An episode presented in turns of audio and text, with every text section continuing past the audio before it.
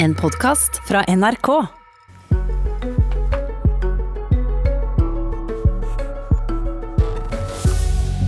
Vi burde vært langt bedre forberedt på å møte en pandemi, sier Ap-leder Jonas Gahr Støre, som etterlyser handlekraft, entydige råd og bedre beredskap. Han får svar fra statsminister Erna Solberg. Erna Solberg, statsminister i Høyre først. I går så meldte nummer to i regjeringa, kunnskapsminister og Venstre-leder Trine Skei Grande, at hun kommer til å trekke seg. En ny fiskeriminister er ennå ikke på plass etter at Geir Inge Sivertsen eh, trakk seg. Norge vei, kan være på vei inn i en økonomisk resesjon, og, og vi skal håndtere en pandemi. Hva for konsekvenser har det at regjeringa nå blir manglende to ministre i en så krevende situasjon? Det har ingen betydning for den situasjonen vi har på koronaviruset at vi ikke har en eh, fullt ut fungerende fiskeriminister, eller at vi har eh, et skifte som vil komme i Kunnskapsdepartementet. Det er slik at vi har en kunnskapsminister som fullt ut jobber inntil, eh, inntil man får fritak fra, fra å sitte i regjeringen fra kongen i statsråd. Sånn at alle disse funksjonene er dekket opp. Det vil være Eh, full beredskap, og vi jobber intenst nå med det som er den viktigste prioritet nummer én, nemlig å sørge for at Norge kommer igjennom situasjonen eh, med eh, koronaviruset på en måte som gjør at vi både har færre som er blitt syke, færre som faktisk kommer til å dø av dette, og at vi samtidig klarer å bevare vekstkraften i norsk økonomi for fremtiden. Så en kunnskapsminister på oppsigelse og ingen altså, ikke, fiskeriministeren som har gått av. VG skriver i dag at regjeringsprosjektet framstår som skjørere enn noensinne, etter at eh, Frp forlot regjeringa og Grande eh, meldte seg ut. Tek deg feil? Eh, jeg syns det er leit at Trine Skei Grande slutter. Jeg har forståelse for hennes situasjon. Du skal være motivert for å lede et parti, du skal være motivert for å lede det i regjering.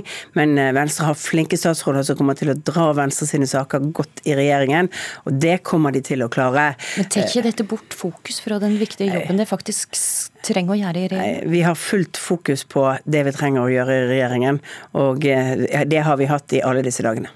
Ok, Apropos det, et spørsmål som jeg lurer på eh, i samband med hvordan det i regjeringa sjøl håndterer eh, koronasmitta. Kan det nå samle hele regjeringa og kongen i ett rom til eh, statsråd? Og kan det samle hele regjeringa til en budsjettkonferanse som det skal ha på, eh, etter planen skal ha på mandag? Er det forsvarlig med tanke på smitte? Det er slik at vi sjelden eh, er hele regjeringen i statsråd. Det må være én mer enn en mer enn halvparten for å være til stede for å ha et fungerende statsråd. Eh, og det, det, er ikke, det er vanlig praksis og sjelden alle er til stede på en gang. Eh, og så kommer vi til å ha budsjettkonferanse. Det er jo slik at det er ingen som har symptomer eller for øyeblikket har vært i utsatt situasjon av regjeringens medlemmer. Da er det mulig å ha budsjettkonferanse og få gjennomført dette. Det er ikke så mange personer som er til stede på en budsjettkonferanse. Og så er det slik at Kommer noen i karantene, kommer noen i den situasjonen at de ikke kan være, så er regjeringen fullt ut mulig til å fungere også med teknologiske løsninger, hvor man kan jobbe hjemmefra også som statsråd og koble seg opp. Dette har vi sikret, så landet kommer til å styres uansett om vi eh, er noen er syke, om eh, alle sitter i karantene eller annet. Det kan vi også ha eh, både regjeringskonferanser og vi kan ha godt fungerende statsråd for å få dette til. Ok, Vi skal snakke mer om krisehåndteringa for Jonas Gahr Støre, leder i Arbeiderpartiet. Du mener regjeringa burde vist mer handlekraft og hatt uh, mer entydige råd. Hva for konkrete tiltak er det du mener burde vært på plass tidligere? Nei, Jeg har påpekt at uh, faren for en pandemi har vi visst om nå i ti år. Det har vært en av de største uh, kartlagte truslene samfunnet står overfor. Jeg mener vi ikke har forberedt oss godt nok på det. Det har vært fremmet forslag i Stortinget om mer lagring av utstyr, testutstyr, medisiner, som er blitt stemt ned. Og ulike beredskapsministre og folkehelseministre har ikke tatt tak i dette sterkt nok. Og så mener jeg at vi i startfasen av denne eh, krisen har hatt eh, for springende, utydelige råd. Nå er jeg opptatt av at vi bør, vi bør snakke her og nå, hva som ligger foran oss. For det kommer til å kreves i døgnet som kommer ganske kraftige beslutninger som hele landet bør lytte til og ta hensyn til. Og da tror jeg vi må over fra det at vi overlater hver kommune til seg hver eh, arbeidsplass til seg til å få noen råd fra landets øverste ledelse som det er trygt å følge, og som ikke er springende. Erna Solberg, er det greit at det er hver enkelt kommune som skal håndtere en pandemi? Eh, det er det lovverket Stortinget faktisk har vedtatt knyttet til innenfor de rammene som finnes i lovverket i dag. Men så er det jo sånn at det er ulike faser i dette. og Det betyr at nå er det mye kraftigere råd fra myndighetene sin side. For nå er vi over en fase hvor, som altså kom på tirsdag, når vi så at smitten eh, kunne ha spredt seg uten at vi kunne klare å følge det tilbake igjen til de tiltakene og det at folk kom utenfra inn og gikk i karantene, og at de hadde smittet eh, folk direkte rundt seg. Fra nå av så er det jo da betydelig sterkere krav krav. F.eks. det kravet som kom i går om ingen møter med, med, arrangementer med over 500 deltakere. Det er gjort i forhold til smittevernloven. Det betyr at det er et forbud rundt det. Og De kommer altså først nå. Men samtidig så er det altså en rekke sykehusleger, kommuneleger og ordførere som sier det har vært vanskelig å finne ut hva en faktisk skal gjøre. I tillegg så har jo ulike kommuner håndtert dette svært ulikt. I Bø i Vesterålen så stengte de alle skolene uten å ha noen smittetilfeller, mens andre kommuner har holdt skolene åpne. Hvorfor er det riktig at dette blir håndtert så forskjellig? De tiltakene som iverksettes nasjonalt, gjelder hele landet. Så vil det alltid være tiltak her som noen kommuner kan ha sterkere, de kan ha grunn for det, for situasjonen i deres kommune har vært annerledes. Og smitten har vært ulikt fordelt i landet. Det vil være ulike tiltak som iverksettes. Men etter hvert så vil det Nei, men kan, hvis jeg kan få lov å ja, jeg, bare, jeg, jeg, skjønner, jeg, skjønner, at det er ulike tiltak til ulike situasjoner, men det har jo også vært ulike tiltak til like situasjoner. Ja, men vurderingen vil være i det enkelt. Så har vi ett tilfelle som også kommunelegen har vært ute og beklaget, og det er at man ikke møtte det, det Ryanair-flyet som landet på flyplassen på Torp, til tross for at det burde det vært gjort. Det har han også beklaget. Så vil det være feilvurderinger som gjøres i dette. Det vil være menneskelige feil som gjøres i krisesituasjoner, og det må vi altså være, være innforstått med at det skjer.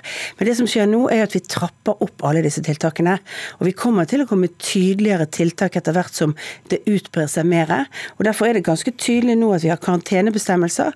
Nå blir alle som kommer på en flyplass og vil fly til Norge fra områder hvor det er utbredt smitte, informert om at da blir de satt i karantene når de kommer til Norge. Det betyr at de fleste kommer til å si at de ikke kommer til Norge. Når vi sier at vi ikke skal stoppe flyene derfra, så er det fordi vi også vil ha nordmenn som er i disse områdene hjem raskest mulig, sånn at de blir satt i karantene her, får behandling og ikke utsetter seg selv eller andre for smitte ved å forsøke å tråkle seg gjennom ulike deler av Europa. Okay. Det vi også Jonas, gjør, ja. ja, jeg skjønner at du har mange tiltak. Ja. Vi, må bare, vi, må bare, bytte litt på ordet her. fordi at Jonas Gahr Støre, du kritiserer regjeringa ganske sterkt. Er dette en situasjon Nei. er det riktig å faktisk gjøre det? Burde ikke stå samla og slutte opp om regjeringa? Det er det første jeg sier i alle sammenhenger. Vi støtter de som står i førstelinjen, særlig helsepersonell som nå skal ta store uh, påkjenninger. Og vi støtter regjeringen når de kommer med tiltak som kan bøte på dette. Det kan du være helt trygg på, og jeg er helt tydelig på det. Det som er viktig nå, og derfor så står jeg her nå og sier nå, Det blir en debatt om hva som har vært opp til nå. Jeg har sagt hva jeg mener om det, men nå står vi her vi står. Og da vil jeg si at jeg vil oppfordre statsministeren så sterkt jeg bare kan til å si det er bedre å gjøre litt for mye tidlig enn å komme for sent. Jeg, jeg vil lyst på å sitere én. Den kommunen som er sterkest rammet per innbygger, Frosta i, i Trøndelag. Der sier kommunelegen prosessen vi nå er preget av uendelig rekke vurderinger og beslutninger basert på manglende og usik usikker, mangelfull og usikker informasjon og kvalifisert gjetning. Altså, Fagmyndighetene våre er veldig gode, eh, og de gir råd basert på en usikkerhet. Men nå ser vi hva Danmark gjør. De er et land som har omtrent samme smittesituasjon som oss. Der står statsministeren i front og gir råd om å stenge skoler. Eh, det er eh, veldig kraftfulle råd som hun sier kanskje er for mye for tidlig. Men det som er bildet der ute av legene i sykehusene, av hjemmesykepleien som skal hjem og behandle syke mennesker, inne på sykehjemmene der vi har gamle og sårbare mennesker, det er gi oss et tydelig, klart grep på vår sektor. Og Så får dette være et, et, en avgjørelse mellom regjering og Folkehelseinstitutt og Helsedirektorat, men jeg vil oppfordre så sterkt jeg kan gå heller ut med et kraftfullt tiltak som man i ettertid kan si vel, det var kanskje å ta litt hardt i, enn å komme i ettertid. For den smitten Steng skolene, er det, vel, det, det skjer jo nå da tydeligvis i Oslo, ser jeg, i deler av skolene. Det bør være enhetlige råd. Og selv om det er en kommune hvor man, man ikke er rammet, så er jo dette viruset nå løs. Og det kommer til å ha en vekst som er så kraftig dersom det ikke settes inn kraftige tiltak som skaper sosial kontakt mellom mennesker. Og da mener jeg Det var situasjonen. Vi ble kritisert etter svineinfluensaen at Bjarne Håkon Hansen tok for hardt i. Jeg mener det var riktig å gjøre det, for det var bedre å gjøre det enn å komme for sent og komme på etterskudd. skudd. Erna Solberg han etterlyser kraftigere tiltak, ja, kraftigere de, råd. Og, og, de kom i går, og det kommer til å komme kraftigere råd etter hvert som, ut, som, vi ser en utvikling på sykdommen. Og det er klart, Vi kom i en ny fase når smitten bredde seg, sånn at vi ikke kan følge alle smittesporene på samme måte som tidligere. Men så er det viktig å huske at vi skal ha kraftfulle råd, vi skal ha kraftfull innsats på dette. Derfor så er det jo sånn nå at nå er oppfordringen at alle som kan ha hjemmekontor, bør ha hjemmekontor. Derfor er det kraftfulle. Vi ser jo ute nå at det er færre som reiser i trafikken pga. de rådene som går nå. Og det er klart vi skal ta tydelige steg på det. Men vi må også huske konsekvensen. F.eks. hvis vi stenger alle skolene i Norge. Da får vi et problem med foreldrene som er helsepersonell og som skal være og hjelpe de som er syke. Derfor må vi se hvilke krav vi setter, og hvordan konsekvensene i resten av samfunnet blir, for at vi kan oppnå det som er aller viktigst, nemlig at vi har nå mobilisert godt nok ressurser til den førstelinjetjenesten, til å hjelpe de som blir syke, sånn at færrest dør, flest får god behandling, og at vi sørger for at samfunnet vårt fungerer. Bør kommuner stenge skolene hvis de har mange smitta? Eh, hvis det er mange smittet på skolen, så er det et tiltak som de bør gjøre. og derfor gjør man, Men det er en vurdering av skolebygningen, om det er i én, og det er en lokal vurdering som må gjøres i det enkelte tilfellet hvor det er. Men, men vi kommer til å ha sterkere råd i skritt fremover. Universitetene nå følger opp de rådene som kommer ut av at du ikke skal ha med, møter med 500 ansatte. Det betyr at de begynner å ha 500 til stede. Det betyr at de kommer til å ha flere Eh, bruk av videoforelesninger, jobbe på andre måter. Sånn må samfunnet vårt fungere i tiden fremover. Og så må vi lytte til de faglige rådene. Og jeg som politiker kan selvfølgelig synse mye, men for meg er min grunnstamme i dette jeg lytter til faglige råd fra vår fremste ekspertise. Jonas Gahr Støre, regjeringa lytta jo bare til faglige råd. Ja, men det er helt riktig. og jeg har selv Burde det gå lenger enn det, da? Nei, men jeg har vært leder for de faglige rådene, og politikere har til i syvende og sist ansvaret for hva man kommuniserer ut i befolkningen. Og jeg tror en viktig ting, nå, nå vil jeg anerkjennelse til det, nå står helseministeren der, nå snakker statsministeren. Det er viktig at de som er de valgte lederne, fronter de rådene som er mest inngripende. Eh, og jeg synes helt inntil i går så var det jo selv fra våre faglige myndigheter veldig usikkerhet rundt om sånne fly fra land vi ikke skal reise til, kan lande i Norge. Vel, nå kommer disse menneskene i karantene. Men det er jo det mange som jobber i helsevesenet har oppfattet som usikkerhet. Og Derfor jeg sier at det politiske vi er valgt, og statsministeren leder en regjering som er valgt, de bør også formidle det som folk der ute opplever. og de etterspør klare og tydelige råd. og Derfor er det sterkeste jeg kan si, vi støtter regjeringen. Og jeg vil okay. oppfordre dem så sterkt som mulig, kom med tydelige råd. Det er bedre å gjøre litt for mye tidlig enn å komme bakpå med de konsekvensene det kan få. I morgen så øh, planlegger regjeringa å legge fram tiltak for å avdempe situasjonen i økonomien. Vi hørte det i Dagsnytt Erna Solberg sier at det varsler tiltak i milliardklassen, samt utsette innbetaling av formuesskatt. Og det har også varsla endringer i permitteringsreglene. Hva for bransje er det som vil merke tiltakene det setter i verk først? Ja, først og fremst så kommer vi også til å gi fullmakter til at helsevesenet vårt kan fungere godt. For dette er jobb nummer én. sånn at det er noe av det første vi kommer til å legge på bordet i morgen. Men de bransjene som som i første runde nå er utsatt, er flytrafikken, det er reiselivsbransjen, det er utelivsbransjen, det er områder. Og vi jobber med en første pakke nå, og så har vi sagt vi kommer med mer etter hvert. For dette kommer ikke bare til å koste de milliardene vi må legge på bordet i morgen, det kommer til å koste flere fremover. Rett og slett øh, for, for det at vi ikke skal miste viktige jobber og arbeidsplasser. Men alle tiltakene kommer ikke til å være ferdige i morgen, og det syns jeg er viktig å understreke.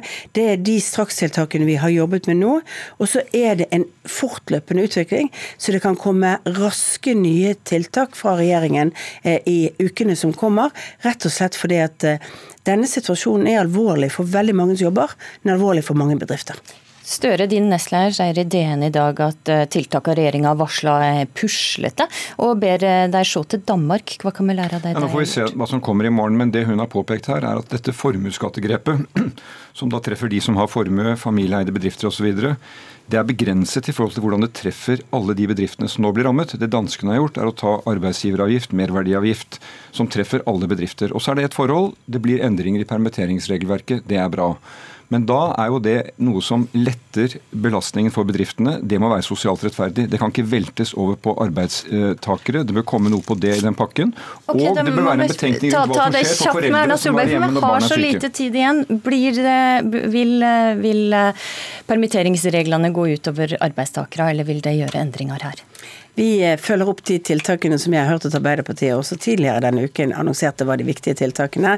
Det som vi nå ser, er at vi har fått de samme innspillene, alle sammen på viktige andre tiltak. Derfor har vi sagt at vi skal jobbe med alt sammen. Takk, Erna Solberg og Jonas Gahr Støre.